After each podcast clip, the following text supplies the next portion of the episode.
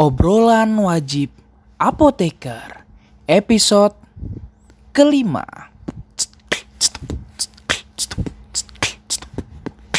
Bersama apoteker Gina. Ini dia.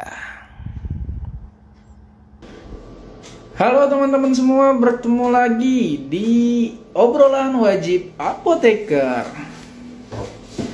bersama apoteker Andri dan nanti ditemani oleh apoteker Rifai sebagai host dan narasumber kita apoteker Gina. Yang ingin bertanya, oh iya tema kali ini kita akan membicarakan tentang relawan farmasi. Nah itu ngapain aja sih? Nah kita akan tanya-tanya langsung nanti na- sama narasumbernya. Ya halo, Wuh, halo, selamat malam. Assalamualaikum. Ya, buku eh, mungkin bisa eh, oh ya buat teman-teman yang mau nanya, kalau bisa jangan di kolom komentar langsung di box pertanyaannya aja. Eh, mungkin bisa langsung dibuka Mas Apoteker Rifai. Oke, terima kasih. Halo, selamat malam teman-teman. Assalamualaikum warahmatullahi wabarakatuh. Selamat malam. Semoga teman-teman sehat. Kita join lagi nih di kegiatan OA kita nih. OA ini adalah program yang digagas oleh Apoteker Andri bersama dengan Farmasi Dragis untuk memberikan edukasi ke teman-teman nantinya untuk memberikan segala bentuk pengalaman kefarmasian baik itu dari skala industri, baik itu klinis, nanti segala macam halnya. Termasuk kemarin kita sudah bahas di apa di perizinan segala macam yang bekerja pekerja situ bisa bekerja di mana aja gitu kan. Nah pada malam hari ini cukup eh, cukup menarik menarik kita karena materi kita ini eh, dengan judul relawan farmasi nah itu kerjanya ngapain aja sih gitu kan nah pada malam hari ini obrolan wajib apoteker itu dengan judul relawan nah, ngapain aja sih nah bersama dengan apoteker Gina eh, Gina Arifah ya. Bersama Gina eh, apoteker Gina Arifah nanti teman-teman silahkan bertanya sebanyak mungkin seperti kemarin. Kemarin sangat antusiasnya sangat tinggi sekali membahas farmasi. Nah, sekarang eh, ini terkait eh, relawan ya. Relawan itu cukup sebenarnya cukup menarik juga karena kan eh, apalagi ini relawan dari rumah sakit darurat Covid ya. Nah, eh, narasumber ini langsung eh, yang sudah lama juga, sudah berpengalaman juga di sana bisa membagi ilmu. Ntar di sana gambaran di RSDC itu seperti apa? Apakah rumah sakit seperti biasa ataukah rumah sakit yang khusus dan eh, bentuk eh, penanganan case-nya itu seperti apa di sana?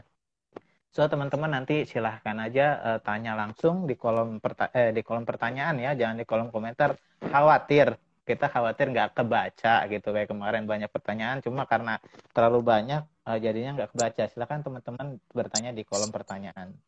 Gitu. Oke apoteker Andri gimana hari ini? Sibuk? Masih sibuk banget nih Enggak sih, santai, lagi santai. santai ya Gimana? Iya, lagi nyoba ngu, apa ya, menghubungkan ke narasumber kita nih. oke oke teman-teman eh, bisa diundang temennya yang lain bisa bergabung malam Jumatan nih sama kita nih Eh, Jumat Mantap seru sekali. Iya Ini mungkin bakal silakan share terutama eh, silakan biar bisa kumpul di sini lagi Apoteker Rifai mungkin ini bakal banyak pertanyaan terutama dari kita berdua mungkin ya. iya Karena kita kepo juga Banyak. kan ya dari kita juga kepo banget ya kan tentang Iya. eh, relawan ngapain aja gitu. Kadang-kadang apalagi yang fresh grad ya pasti bingung ya. eh, kayak kerja di rumah sakit itu seperti apa aja atau maksudnya ya lebih ke pengalamannya ya buat eh, menambah pengalamannya. Coba Mm. ini kok nggak mau bergabung ya sebentar. Ya, mohon ditunggu teman-teman. Eh, buat teman-teman yang ketinggalan mungkin nanti bisa juga nonton di Spotify, YouTube ataupun IG Live. oke sudah cantumin deskripsi belum di bio udah, udah. Udah ya, eh, silakan teman-teman langsung akses ya di link bio-nya Apoteker Andri ya untuk akses video mendengarkan itu cukup uh, efektif buat saya. Nah itu juga seru sih obrolan kita, walaupun nggak kelihatan mukanya karena mukanya muka orang-orang biasa gitu, nggak menarik gitu kalau kita berdua gitu ngobrol. Kayaknya yeah. enakan suaranya aja yang di share gitu dibanding ngelihat uh, apa, lihat live-nya kita gitu. Ayo teman-teman di share ke teman-temannya diundang supaya bisa join ke sini.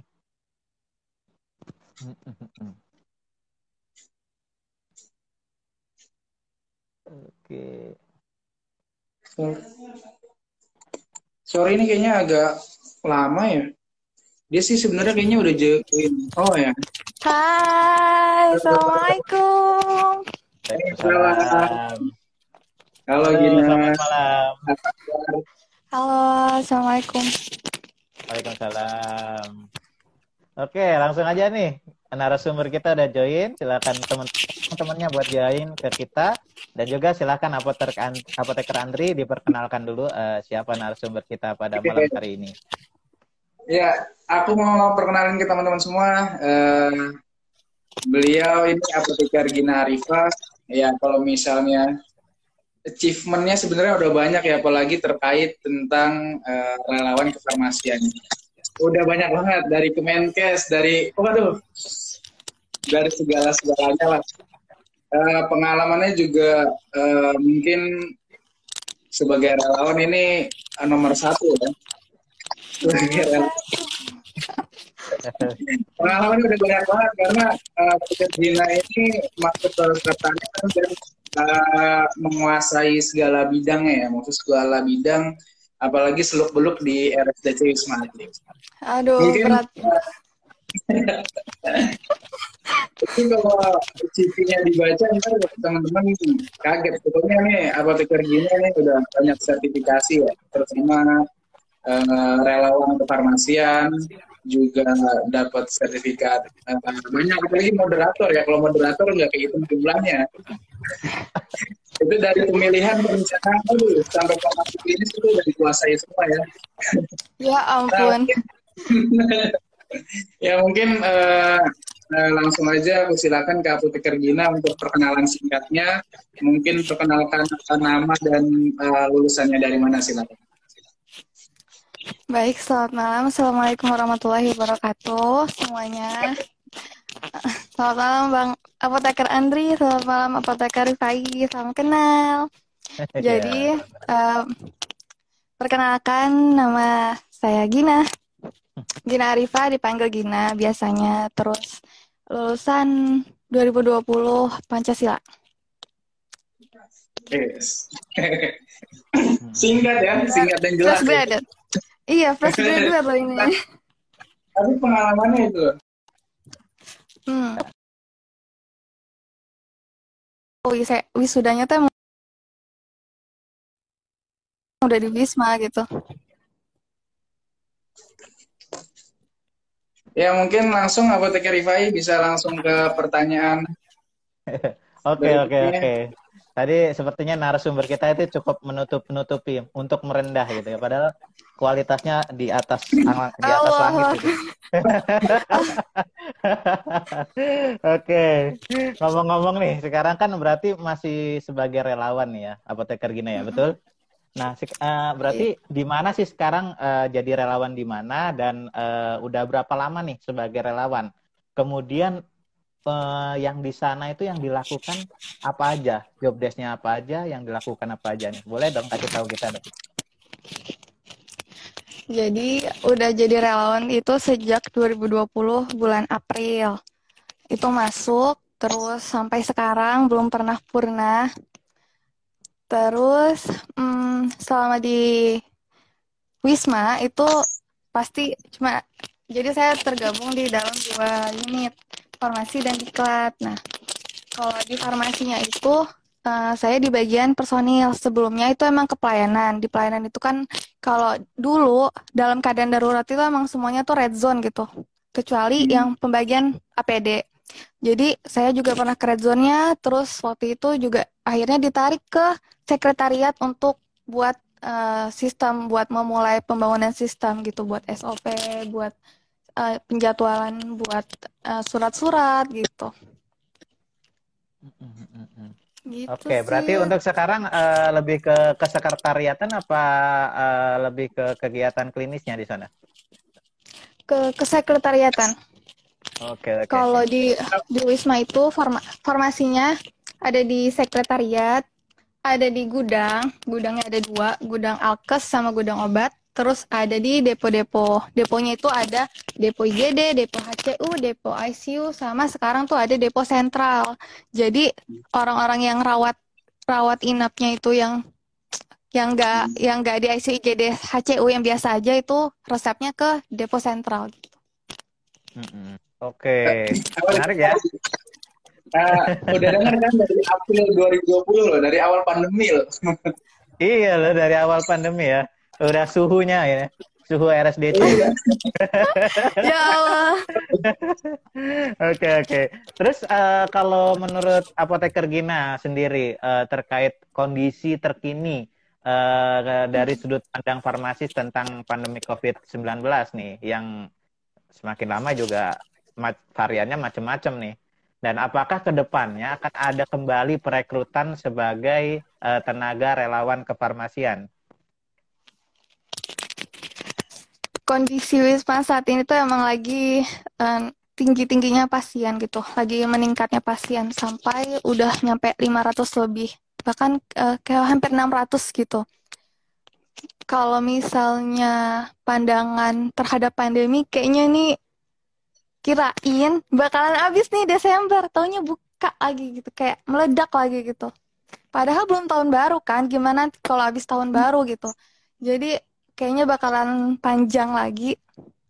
Bakalan kita harus prokes tetap nggak kayak tadinya mau merdeka mau lepas masker tapi ternyata belum bisa gitu. Jadi kayak teman-teman harus tetap jaga prokesnya biar ya membantu biar nggak meledak lagi gitu lah jadi kalau nanti tahun baru ya jangan ngumpul-ngumpul dulu gitu. Karena kayaknya lagi sekarang sekarang tuh ada varian omikron ya. Jadi itu tuh kayak cepet banget nyebarnya. Nah kalau misalnya hmm. nanti kalian ngumpul nyebar meledak lagi rebutan rumah sakit lagi kayak kayak nggak mau keulang lagi gitu loh. Kebayang gak sih yang kemarin hmm. gitu kan? Hmm. kebayang kebayang ya. Parah sih. Ya. Ya kita ke, apalagi kemungkinan ya apoteker Andri merasakan saya juga merasakan sebagai uh, orang ya. Ada mungkin keluarga yang kesulitan nyari rumah sakit hmm, untuk benar. Kita merasakan sendiri betapa itu hati kita itu terenyuh gitu. Keluarga kita tidak uh, mendapatkan penanganan secara semestinya gitu. Akhirnya memaksakan dengan fasilitas yang ada ya uh, mungkin sebagian uh, tertolong. Cuma banyak dari uh, saudara-saudara kita mungkin yang uh, tidak tertolong karena itu uh, fasilitas uh, yang terbatas ya. Nah, terkait tadi gimana uh, kalau untuk uh, relawan sendiri di sana apakah nanti uh, ke depannya kan kemungkinan akan ada penambahan uh, kemungkinan ada case yang mungkin meningkat hmm. Untuk sekarang uh, untuk apakah perekrutan relawan itu akan kemungkinan terjadi kembali apa untuk sekarang tuh masih belum? jujur li jujur li actually itu di sini kita tuh lagi kurang banget personil. Jadi kan kemarin itu turun sampai pasien tuh cuma 100 gitu kan. Jadi kita dikurang-kurangin dipotong-potong terus sekarang tiba-tiba meledak. Terus sekarang kita kurang personil. Cuman kita udah minta tapi kayaknya dari Kemenkes belum membuka gitu. Jadi kayak kita harus manfaatkan yang ada dulu. Tapi nggak tahu ke depannya Kemenkes mau kayak gimana juga kan sekarang masih tutup anggaran ya masih perencanaan buat tahun depan gitu. Jadi belum tahu sih buka atau enggak. Gitu. Oke, mungkin misalkan ya apoteker Gina, misalkan dibuka nih uh, hmm. untuk perekrutan relawan kembali nih. Kira-kira mungkin teman-teman di sini kepo gitu.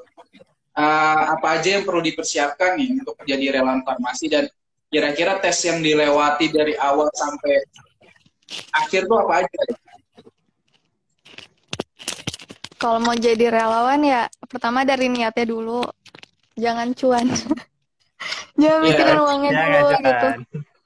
Karena kita sebenarnya nggak digaji ya, cuma ada hanya dapat in- intensif ya, intensif atau insentif? Insentif. Insentif. Iya, inisiatif. Ah, kalau ngomong kalau ngomong insentif tuh kayak kayak ya udahlah gitu loh kayak Ya udah lah ya. Intinya harus dari hati lah ya, bener ya harus dari ah, hati kan. Ah, harus makanya harus ya, siap siap harus siap gitu jadi kalau misalnya nanti namanya juga darurat kan maksudnya eh, harus benar-benar rela gitu loh kalau kerjanya overtime kalau harus sampai eh, shiftnya lebih gitu kayak ya harus rela namanya juga relawan gitu Iya betul. Itu Benar. sih. Sesuai Tapi nama kalau relawan. misalnya, hmm, kalau misalnya untuk masuk jadi relawan itu sih kalau tes itu paling cuma kalau di Wisma ya, kalau di Wisma tuh tes psikologi sih nanti kayak wawancara doang gitu. Kalau tes untuk ilmu ilmunya tuh kayak waktu mereka udah daftar tuh kita udah menganggap mereka berkompeten. Oke oke. Heeh. Artinya sebenarnya kalau untuk menjadi relawan tuh tidak sesulit itu ya. Cuma me- memang kan Enggak. eh, kebanyakan juga kan dari pribadi yang mau menjadi relawannya ini yang mempertimbangkan dua kali. Apakah nanti saya eh, hanya sebagai apa di sana? Apakah saya makmur di sana atau apa kan? Kepikirannya di situ mungkin. Nah makanya teman-teman ingat lagi tadi sebagai relawan namanya juga relawan ya harus direlakan ya. Mm-mm. ya, Berharap lebih. Heeh. Karena kalau misalnya nunggu insentif tuh kayak capek aja gitu, ya nggak sih? Capek. Iya. Iya. Wah, rupanya apoteker Adri lagi dapat selokan nih. Bisa lagi dibagi nih di sini. lagi lagi di tempat Iya, kerja. iya. Iya, iya. Tapi tadi kalau dilihat tadi tadi sudah hampir 600 ya, 600 600 sam- di angka hampir 700 ya. Berarti ini kasusnya Hampir ini cukup cukup tinggi ya. Cukup tinggi Oh, dan iya. Apalagi kalau dilihat eh, dari ini ini udah udah naik lagi yang tadinya sempat 100 tiba-tiba eh, sudah tujuh, hampir 700 lagi. Nah, ini juga sebenarnya Iya. kurang terekspos di media ya. Kalau mungkin dulu kan kita terpantau pemberitaan media setiap hari diupdate jumlah kasus. Untuk sekarang kan eh, apa namanya? Justru nggak ada kabar lagi terkait COVID ini. Jarang ya, bukan bukan nggak ada tapi jarang. Nah, dan kebanyakan juga apa masyarakat sekitar sekarang nih udah ngerasa an- anteng-anteng aja, anteng ayam nih. Eh, beberapa dilihat di warga mulai merasa wah udah nggak apa-apa nih lepas masker segala macam. Ternyata nih buat teman-teman bisa diedukasi juga ke masyarakat sekitar bahwa COVID ini masih berjalan dan masih ada, apalagi eh, akan kemungkinan akan ada eh, varian baru yang bisa jadi mungkin masuk ke Indonesia gitu. Eh, jujur, Gina nggak tahu kalau di luar sana tuh udah anteng gitu, bahkan kayak ternyata nggak ada di media ya. Iya. Soalnya nggak nonton berita gitu loh, jadi Bisa kayak Udah jarang banget. Kak. hmm, baru tahu, baru tahu. makanya Jadi- beritaan self Jadi di- lebih lebih meriah dibandingkan berita COVID. Jadi di tanggal 10 Desember, di tanggal 15 Desember itu pasien cuma 116. Terus di Hmm. tanggal 15 dapat tuh berita eh di tanggal 16 dapat berita kalau ada satu pasien Omikron di Wisma Atlet.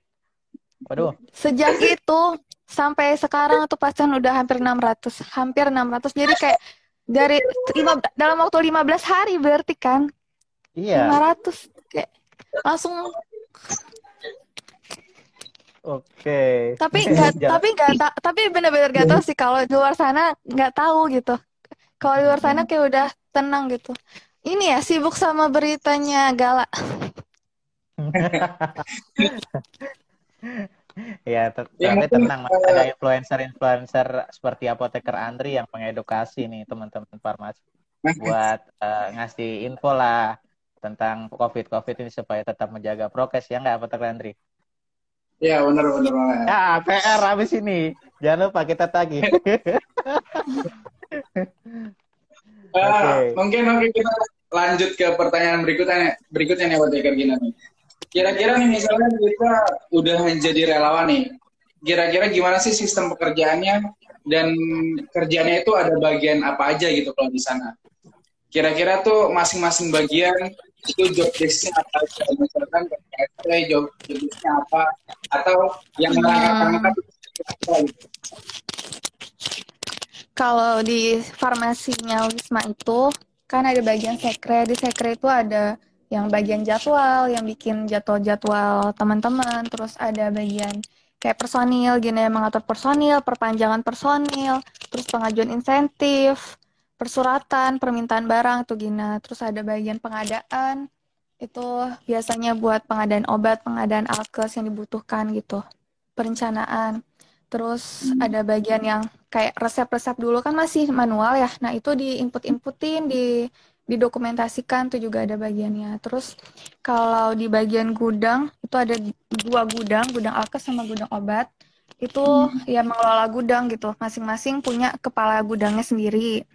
Terus ada punya eh, di sana terdiri dari dua apoteker masing-masing. Gudang alkes ada dua apoteker, di gudang obat juga ada dua apoteker.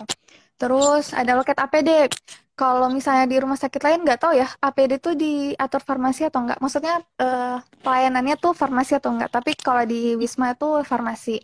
Jadi eh, TTK biasanya yang jaga di loket APD buat bagi-bagiin APD ke nakes. Nah, sekarang pakainya yang level 2 bukan level 3 lagi.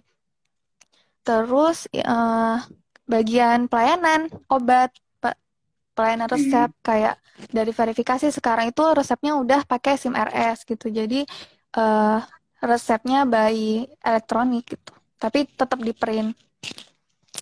Oke, oke. Gitu sih. Kalau Kayak kayak eh, kayak rumah sakit pada umumnya cuman ya ini sekarang ada red zone, ada yellow zone gitu. Terus juga eh, ada sekarang kan kalau misalnya ke red zone harus pakai APD gitu yang memperlambat gak sih pekerjaan kayak lebih susah gitu loh. Gitu. Perbedaannya gitu. Cuman kalau klinisnya eh, belum terlalu jalan juga sih kalau di Wisma ya. Cuman kalau misalnya di ICU paling kayak merhatiin dosisnya gitu. Tapi kalau misalnya untuk yang kayak sesuai Permenkes 72 secara perfect tuh belum sih.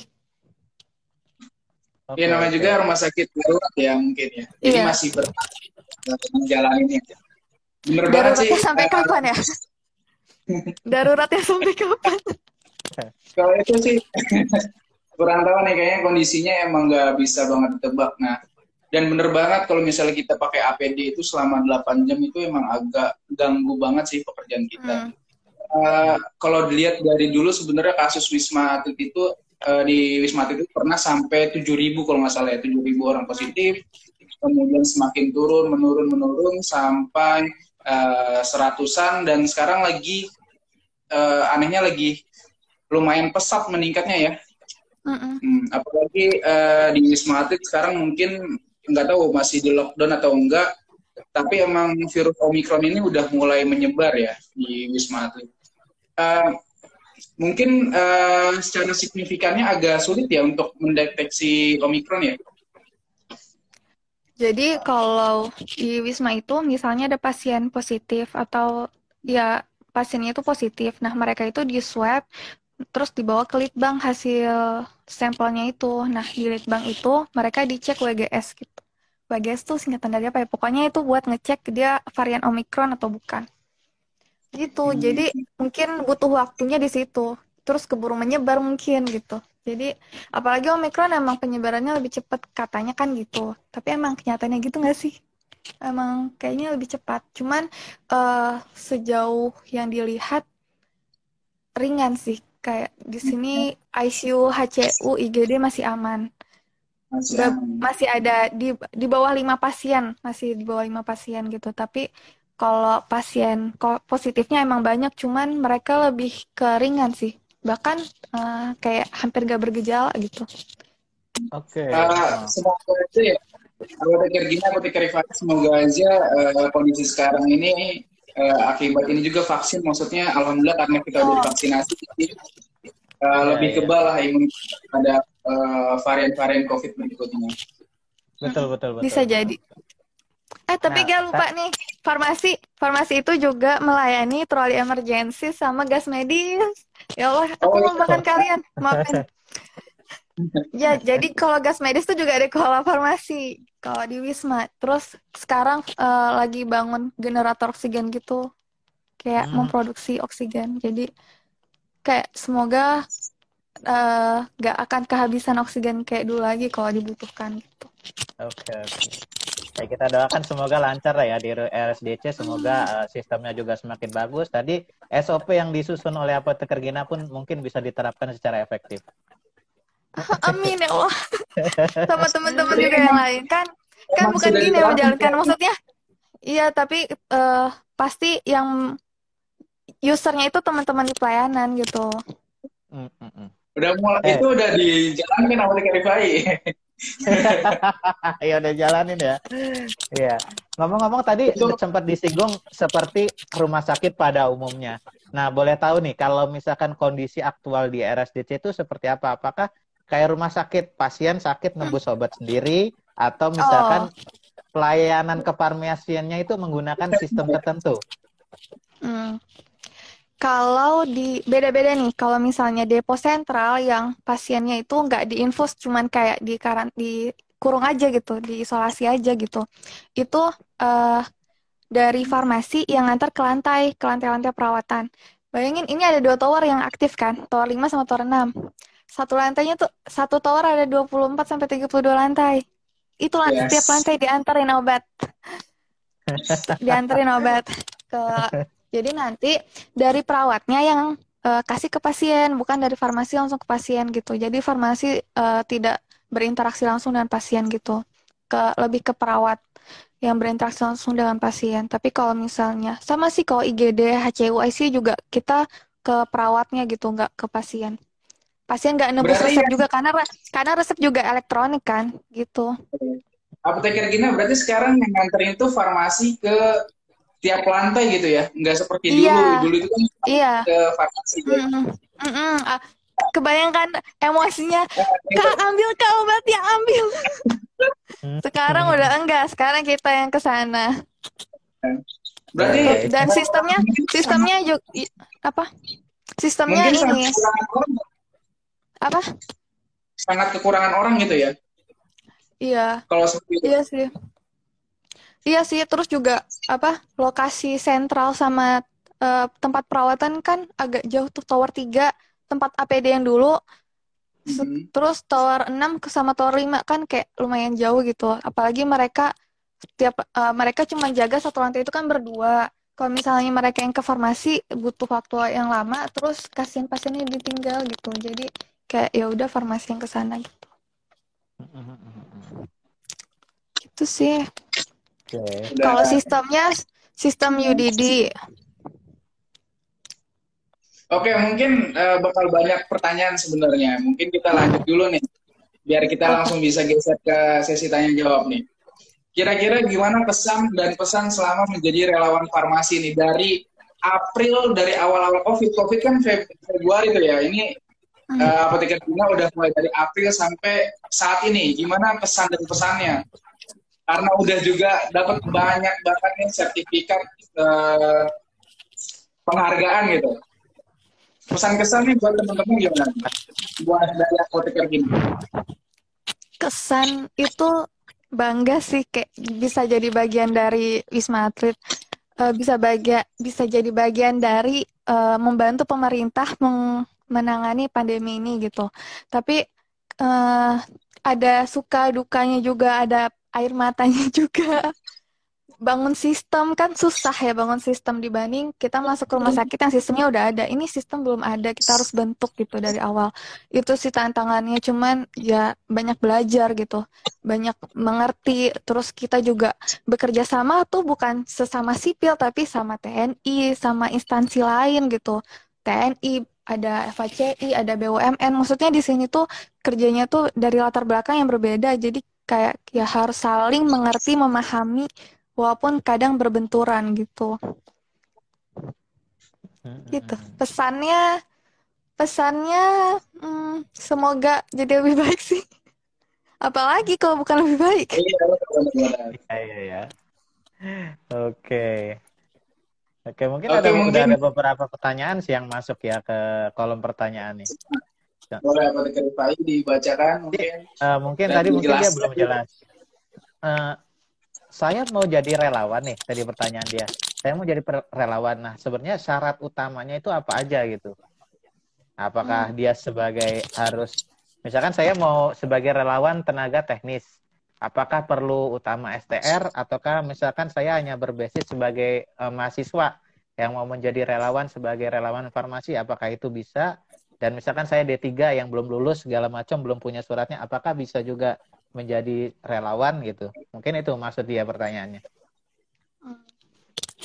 Kalau misalnya jadi relawan, kalau misalnya uh, saat itu uh, darurat daruratnya kan kayak dulu darurat kayak gitu, itu bisa kayak kita uh, ajuin ke kan PPSDM ke Menkes yang buka gitu. Tinggal bilang ke mereka kalau misalnya kita masih dalam pengur misalnya belum jadi nih kita udah lulus tapi belum jadi STR-nya. Bilang masih proses itu bakalan bisa dibantu. Tapi kalau misalnya kayak uh, agak landai gitu, itu sih kayak wajib punya STR kan STR itu sa apa syarat kita kayak tanda kita tuh berkompeten gitu kayak jaminan kita ya udah kita berkompeten dengan bukti itu STR gitu jadi eh, syarat pertama sih STR tapi kalau misalnya belum lulus ya kayaknya belum bisa gitu kayak setidaknya udah lulus dan lagi dalam proses pengurusan oke okay, itu okay. yang penting STR dulu hmm. Mungkin uh, Sama beda ini. kasus halnya dulu ya. Sama punya BPJS, punya NPWP. Karena itu yang diupload guys. Iya iya iya. Upload ke link. Ya, yeah, teman-teman yang mungkin sekarang bisa lah ngurus NPWP dari sekarang kalau mau jadi relawan. Uh, mungkin sebenarnya bikin NPWP sekarang bisa online juga kan, gampang kok teman-teman bisa akses uh, di EREK uh, apa itu pokoknya NPP NPWP online tuh udah teman-teman bisa ngurus secara mudah. Nanti NPWP dikirim ke domisili teman-teman sendiri gitu. Nah terkait tadi nih uh, cukup menyinggung banyak sekali yang terlibat di situ. Memang uh, untuk RSDC ini naungannya itu dari siapa? Terus yang terlibat di situ itu apa aja gitu? Selain farmasi. Kalau di Wisma itu kayak Wisma Atlet tuh di Topang, di Ampu. Sebenarnya tuh belum ada yang megang. Dia itu masih di bawah Seknek. Jadi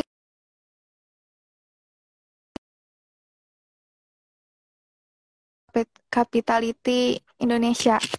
Uh, itu biasanya mereka yang non medis. Terus kalau Kemenkes pasti yang semua tenaga medis itu dari Kemenkes gitu. Kalau TNI itu campuran mereka ada perbantuan dalam pengamanan, terus ada kesehatannya juga, ada dokter, ada uh, farmasinya juga, ada perawatnya juga gitu. Terus ada dari polisi gitu. Jadi di sini banyak instansi yang mendukung. BUMN, BNPB. Itu sangat sulit ya untuk menyatukan jadi satu pikiran ya pasti banyak benturan tuh. Iya. Apalagi apalagi kan ya you know lah kalau misalnya angkatan ya harus ada aturannya sendiri gitu. Kita juga punya yeah. aturan sendiri. Itu yang harus disesuaikan. Terus di Tapi sini angkatan banyak, mungkin mengerti apa? ya, mengerti kegiatan farmasi. Maksudnya eh, kalau misalkan beda kasusnya angkatan sesama angkatan ya, mungkin kalau angkatan uh, misalkan tentara dengan uh, misalkan dengan kefarmasian mereka lebih banyak maklum mungkin ya harusnya maklum mungkin ya harus menyesuaikan sih karena kan kita juga punya peraturan sendiri kan dalam kesehatan gitu loh yes. mm -hmm. oke okay.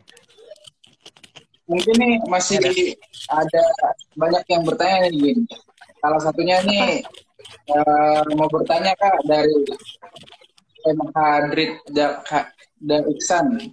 Apa aja sih benefit dari relawan farmasi? Terutama relawan COVID. Nah benefitnya apa tuh kak buat uh, yang ikut jadi relawan? Pengalaman relasi. Uh, sama ini sih keras. Kalau misalnya kita punya keberanian terjun ke daerah covid kan kayak menantang aja gitu. Jadi kalau misalnya benefit pertama sih pasti pengalaman. Karena itu jarang terjadi. Kayak covid ini baru pertama kali juga kan gitu. Jadi emang pengalaman hmm. itu benefit yang paling be, pengalaman itu adalah guru kita seumur hidup gitu. Itu benefitnya. Yeah, sama relasi relasi kita bisa punya kenalan sama pimpinan, sama pejabat kan, sama yang kita nggak pernah berhubungan sama TNI, akhirnya kita punya link ke TNI, link ke polisi, FACI gitu. Sama Ya, teman-teman yang non nakes gitu. Aku juga udah ngerasain sebenarnya benefit dari jadi relawan ya sebenarnya eh, kayak kemarin kan sempat jadi relawan COVID terus eh, ngelamar di RSUD itu lebih diakui apalagi RSUD COVID gitu. Jadi eh, teman-teman lebih bisa bersaing juga eh, kalau misalnya teman pengen masuk dan gabung di eh, rumah sakit eh, penanganan COVID. Kira-kira itu. Apalagi Terus ini sebenarnya- dapat sertifikasi juga ya. Oh, kalau di Wisma sih kita ngajuin SKP IAI. Dapat gak Bang Andri? Eh, apoteker Andri. Oh, dapat. Dapat. Ah, bagus, bagus. Berapa, berapa? Dapat. 15. Alhamdulillah. Langsung lunas 5 tahun. Kalau TTK, TTK dapat 25 dari Pavi. Wow. Lebih besar ya? Iya, jadi lunas buat perpanjang STR. Tapi Hmm. kalau misalnya benefit untuk ngelamar kerja lebih diutamain sih Gina belum ngerasain karena dia belum ngelamar, guys. Masih di sini. Iyalah, hatinya masih tergerak sebagai relawan gitu. Ini Gina mau ngelamar buat nyari apa nih? Nyari jodoh apa gimana? Nggak tahu deh. Tahu. Pengalaman mungkin mungkin mungkin eh, mak- maksudnya mau di mana pun rumah sakitnya kalau selama masih pandemi intinya sama aja sih di rumah sakit mana pun Ya. nanganannya pandemi gitu. Eh, eh, ini dari aku ya, mungkin pertanyaan dari kita kita mungkin apoteker, eh, teman-teman apoteker yang lain juga penasaran mungkin eh, nggak terkecimpung di eh, pandemi COVID. Eh, kira-kira obat-obatan apa aja sih yang eh, yang digunakan dalam penanganan COVID itu? Ya, iya betul. Apalagi kan kalau nggak salah sudah banyak ini ya revisi-revisi, maksudnya perbaikan terapi yang ada gitu. Untuk sekarang itu yang terapi untuk COVID itu sendiri itu apa ya? Kalau untuk COVID sampai saat ini masih pakai guideline yang eh, pertama itu yang belum ada berubah. Cuman dulu kan ada oseltamivir. Nah sekarang itu udah nggak pakai oseltamivir, langsung favipiravir. Dulu di Wisma itu favipiravir itu harus ngelihat CT dulu, harus ACC dokter. Ya sekarang juga harus ACC dokter eh, dulu. Cuman eh, udah nggak ngelihat CT-CT lagi gitu. Jadi pada umumnya semuanya sekarang udah pakai favipiravir sebagai antivirusnya. Sisanya ya buat eh, meringankan gejalanya mungkin dia batuk atau demam gitu Oke, oke. sama vitamin sih Amin. Artinya sampai sekarang yang ditunjang adalah proses eh, peningkatan daya tahan tubuhnya kembali ya. Tetap ya. Mm-mm. iya emang obat obat eh, penting dari covid kan imun sendiri imun kita Iya. kalau misalnya kita udah minum obat tapi kita kayak nggak semangat gitu kayak ya sama aja hidupnya ya udah nggak nggak sembuh sembuh nanti Iya, iya, betul, betul, betul. Gitu. Oke, cukup menarik ya eh, apa pembicaraan kita ini. Bisa ngobrol secara langsung sama relawannya langsung melihat kondisi di sana seperti apa tadi gitu kan. Apalagi sudah terjadi peningkatan kasus COVID ya buat teman-teman juga dihimbau buat eh, masyarakat Hmm. sekitar saudara-saudaranya bahwa COVID masih ada. Apalagi teman-teman yang di sini kan kemungkinan calon-calon apoteker calon-calon nakes ya mungkin berpeluang juga jadi uh, relawan. Siapa saja bisa jadi relawan. Uh, sebelum masuk RSDC atau relawan di rumah sakit mana pun silakan teman-teman menjadi relawan untuk keluarganya sendiri menghimbau untuk uh, terutama untuk masyarakat lah sekitar teman-teman supaya uh, bisa lebih aware terhadap ini pandemi belum selesai masih berlanjut harus ada uh, kehati-hatian dari kita diri sendiri gitu. Jangan sampai kita mengabaikan karena kata orang udah nggak ada kata orang udah nggak ada gitu kan.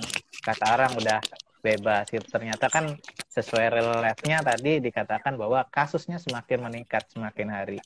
Oke walaupun untuk kasusnya tidak separah dulu ya. Maksudnya tingkat Iya. penyakitnya tidak ada yang eh, ICU-nya OGD-nya masih masih tergolong belum ramai tapi eh, peningkatan kasusnya itu nyata ya Mm-mm. Terus mungkin Kalau- teman-teman Kalau kalian berdua pernah jadi pasien? eh, saya kalau saya pernah saya termasuk OTG deh harusnya. Oh. Tapi Ya, beneran, saya- beneran pernah.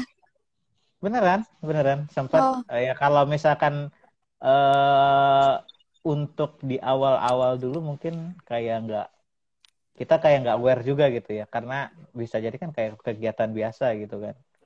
Cuma badan nggak sakit, cuma kayak kegiatan biasa, cuma mungkin ada salah satu kayak misalkan yang indikasi kayak misalkan eh, penciuman hilang gitu, pilek gitu kan. Ya. Ini itu aja sih, tapi kalau apoteker anti kayaknya udah pernah ngerasain sih bagaimana rasanya. pas pernah itu Emang iya ya? Oh iya ya. Pas Iya. purna, pas swab purna. Oh ya ampun. Eh, mungkin eh, apoteker Gina mungkin nih pada penasaran juga nih tadi apoteker Gina ternyata aktif di farmasi dan eh, di akademinya nih di akademi RSDC nih. Kira-kira tadi kan udah kayak mungkin sibuk ya buat SOP ataupun eh, buat sistem dengan berbagai acara. Eh, nah itu gimana cara ngebagi waktunya tuh di kira-kira di akademi itu ngapain aja? Dan itu mungkin bisa 24 jam kerja ya atau gimana? Jadi tergantung orang ya sebenarnya kayak kalau dia emang suka kerja kayaknya itu nggak masalah gitu. Dia nggak sih? Kayak su- soalnya nih kan kerja di kan nggak gitu. Kan maksudnya kerja di dua tempat. Terus eh, ke- kerjanya tuh juga ada tanggung jawab tuh juga ada gitu. Tapi kalau misalnya emang suka bantu ya itu nggak terlalu beban. Bukan nggak terlalu beban emang malah nggak beban. Kayak cuman seneng aja bantu gitu. Emang kayak mungkin terlalu aktif ya buan gitu. Ini apoteker Andri apoteker Andri juga pernah diklat loh bareng kita. Ya ta- tahu kan gimana gimana hektiknya diklat gitu kayak acara tuh mm. tapi kalau pembagian waktu eh di sempat sempetin gitu kayak eh, mungkin kalau misalnya kan dua tetap kita ngerjain profesi kita dulu gitu. Misalnya di farmasi ya farmasi dulu. Nanti kalau misalnya farmasi udah selesai baru yang diklatnya gitu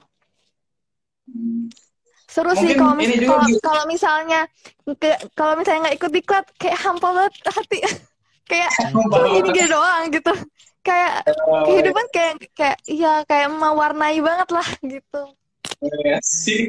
Iya. Emang beda ya kalau jiwanya itu udah jiwa relawan gitu. Apa Ah, dikira betul, beda kalau jiwa-jiwa relawan. hmm.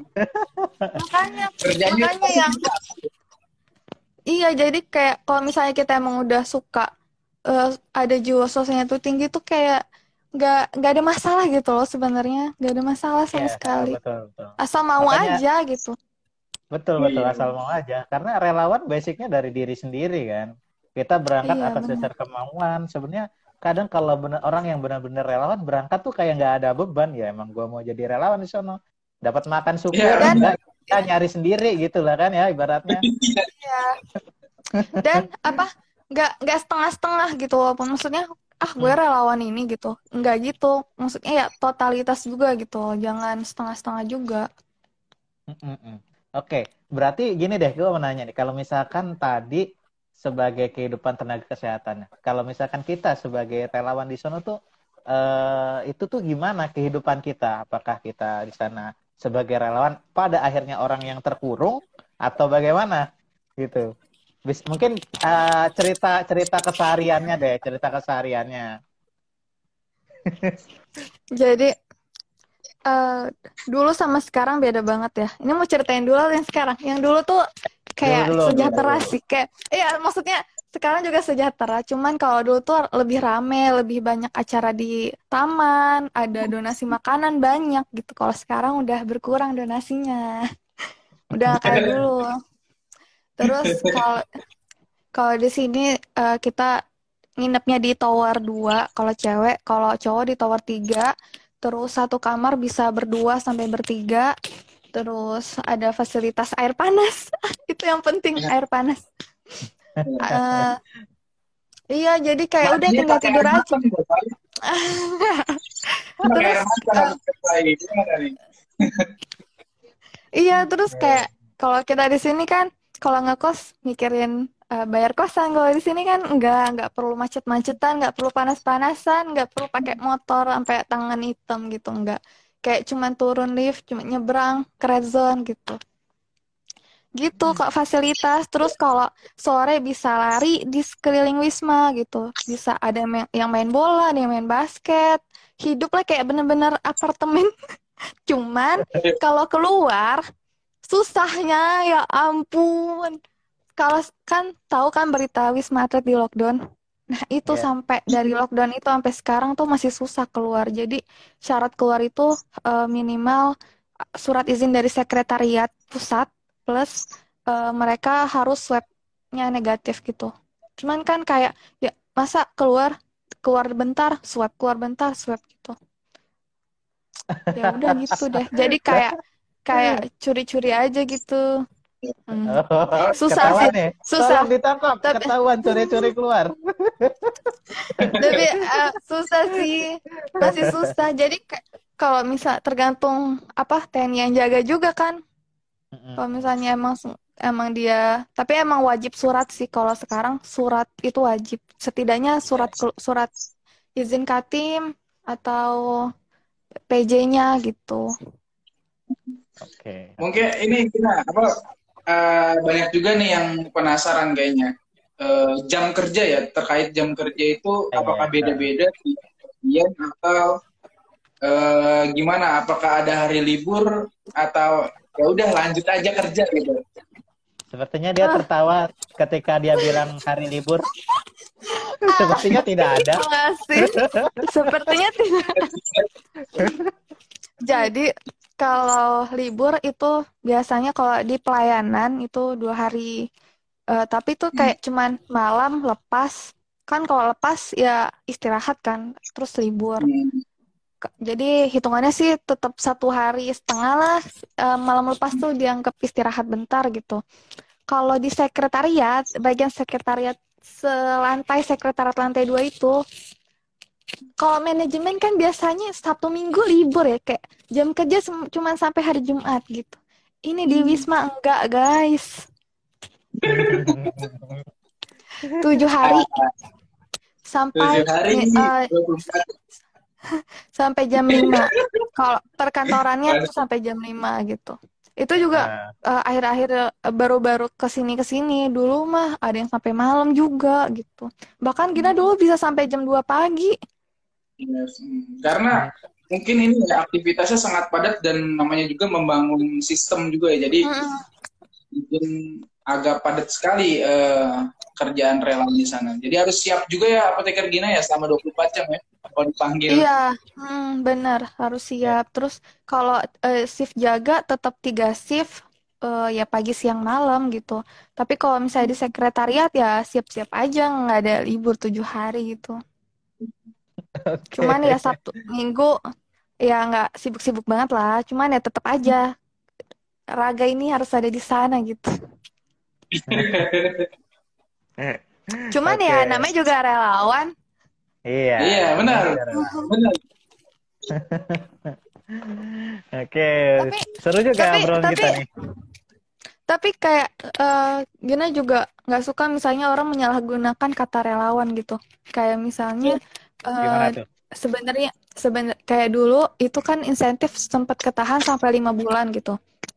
Terus banyak nakes yang eh, minta haknya kan. Terus eh, banyak yang bilang kayak kan relawan, kan relawan gitu. Maksudnya ya kenapa jadi berlindung di bawah kalimat relawan kalau emang sebenarnya itu emang itu udah haknya dia gitu. Jadi kayak Oke, Nah, kan relawan, eh, kan relawan itu nggak selalu positif gitu. Kadang bisa disalahgunain. Kan relawan, jadi kayak dibuat semena-mena atau diperlakukan semena-mena gitu. Kayak, Heeh, menarik juga ya. Karena mungkin dari hati yang mulia bisa jadi disalahkan gitu ya. Padahal itu kita hanya menuntut haknya juga ya kan. Ya barang mungkin kan padahal sekedar uang jajan kalau nggak dikasih ya cuma sekedar minta aja gitu kan. Tapi sebenarnya kita nggak nggak ya sebenarnya nggak apa-apa nggak dikasih namanya juga relawan tapi kan itu udah hak kita makanya kita tagih gitu Soalnya kan udah ada peraturan keluar kan peraturannya Ya, gitu. betul. Kalau misalnya kalau misalnya nggak keluar mungkin eh, yang dulu-dulu tuh nggak ada gitu yang sampai demo-demo di rumah sakit tuh nggak ada. Cuman karena dibilang relawan, hmm, kan relawan ih apa sih? Oke, gimana nih Jadi apoteker kok- Andri? Seru iya. nih malam ini. Kok jadi kayak memanfaatkan gak sih kayak memanfaatkan keadaan? Cuman ya udah sih nggak apa-apa sih sebenarnya. Terus juga kalau misalnya nih teman-teman yang nonton kalau misalnya ada kesempatan buat ada lowongan buat jadi relawan, misalnya cuma di puskesmas jadi kontak tracer, ikut aja sih walaupun kayak cuma sebulan dua bulan kan nggak terikat banget juga. Setidaknya, pengalaman terus punya relasi kalau misalnya eh, keluarga kita ada yang kena kita tahu kita harus apa terlebih dahulu. Betul. Eh, aku jadi Cina nih jadi relawan banyak juga teman-teman yang jadi relawan di RSUD sekarang udah jadi karyawan Hmm, karena pelan-pelan. uh, dapat relasi juga kan karena uh, ya udah maksudnya ya udah di sana gitu kan udah pernah menangani juga mungkin teman-teman di RSUD juga jadi percaya gitu ke orang-orang yang jadi relawan dan misalnya niatnya ngebantu banget setiap 24 jam wah kayaknya keren banget sih jadi relawan farmasi Kan karena kalau di RSUD kan kalau kan? di RSUD kan kalau di RSUD relawannya jadi karyawan ya. Kalau di sini kayaknya relawan tetap nih. Kan karyawan tetap guys, relawan tetap. Iya, iya, iya. Oke, cukup menarik pembicaraan kita malam hari ini. Nggak kerasa juga ya, kita ngobrol udah hampir ya kurang lebih 45 menit lebih ya. Kita ngobrol bincang-bincang kayak gini nggak kerasa. Nah, kayaknya eh, boleh nih Apoteker Andre nih.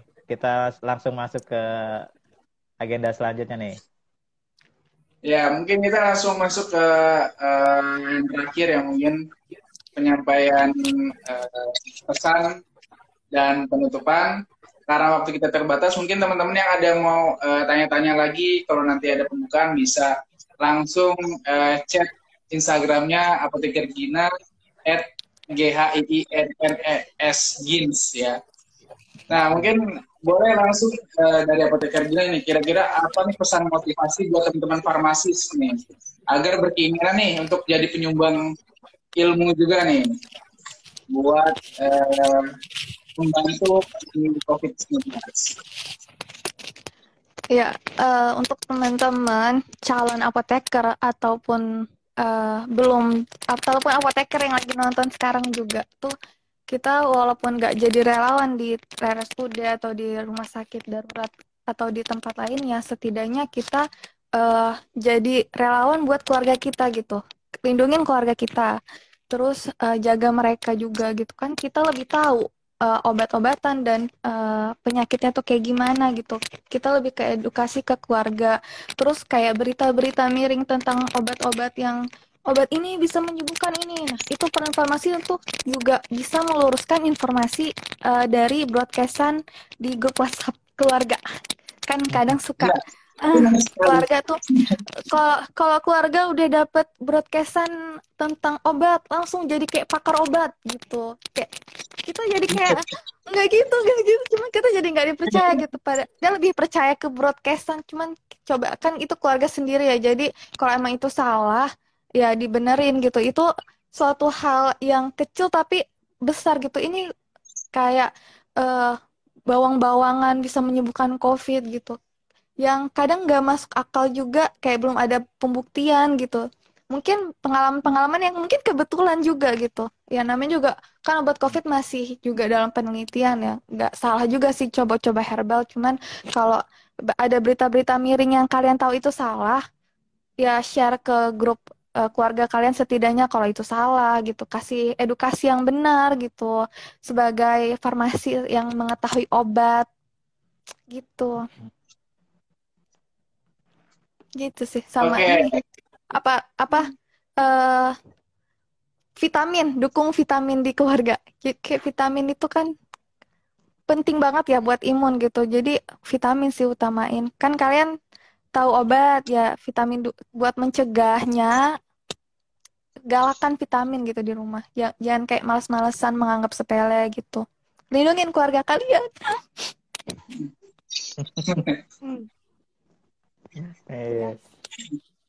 Oke, thank you Gina atas informasinya. Keren banget nih informasi dari apoteker Gina. Mungkin Keren, keren. bisa eh, pencerahan buat eh, teman-teman dan bisa kalau mau nanya-nanya langsung chat aja Instagramnya. Jangan lupa Boleh, juga di follow. Ah, ah, mau promosi dong, mau promosi. Boleh, boleh, boleh. Boleh, silakan. Promosi, jangan promosi asal. Enggak, enggak, enggak promosi. Ini nih, ada eh, webinar tentang Omikron tanggal 1 Oh, iya. Januari. Ini Bang, eh, apoteker Andrew sama apoteker Five tolong bantu ini ya, Oke, akan eh, di- share. Ah, Sip, ah, makasih siap, loh. siap. Karena pembicaranya bagus banget. Ada salah satunya dari Dokter Wisma Atlet gitu. Bagus, Ya, bagus. webinar tentang apa? Tentang ini, eh, apa yang harus kita tahu dari Omikron gitu. Jadi mungkin di situ eh, ada hal yang harus, mungkin kita belum tahu, jadi lebih tahu gitu. What should we know? Gitu. Oke. Apa yang harus Penting kita tahu banget tentang penting banget karena aku juga buta banget nih tentang eh, Betul, varian baru ini ya. yaitu Iya. ini buat sebentar ya kita langsung share aja mungkin nanti apoteker Rifan. Siap. Hmm. Ditunggu loh. Ya, langsung kita minta broadcast-nya, langsung kita share. Siap.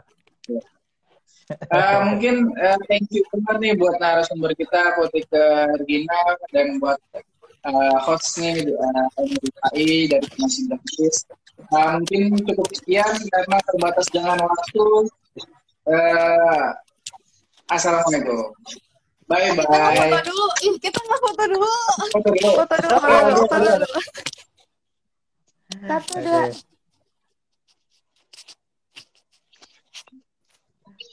Udah, udah. Oke. Oke, oke. Oke. Dadah. Heeh. Oh iya, izin ya apoteker kita nanti eh, mau diupload di Spotify sama mungkin di YouTube ya. Eh, boleh, boleh.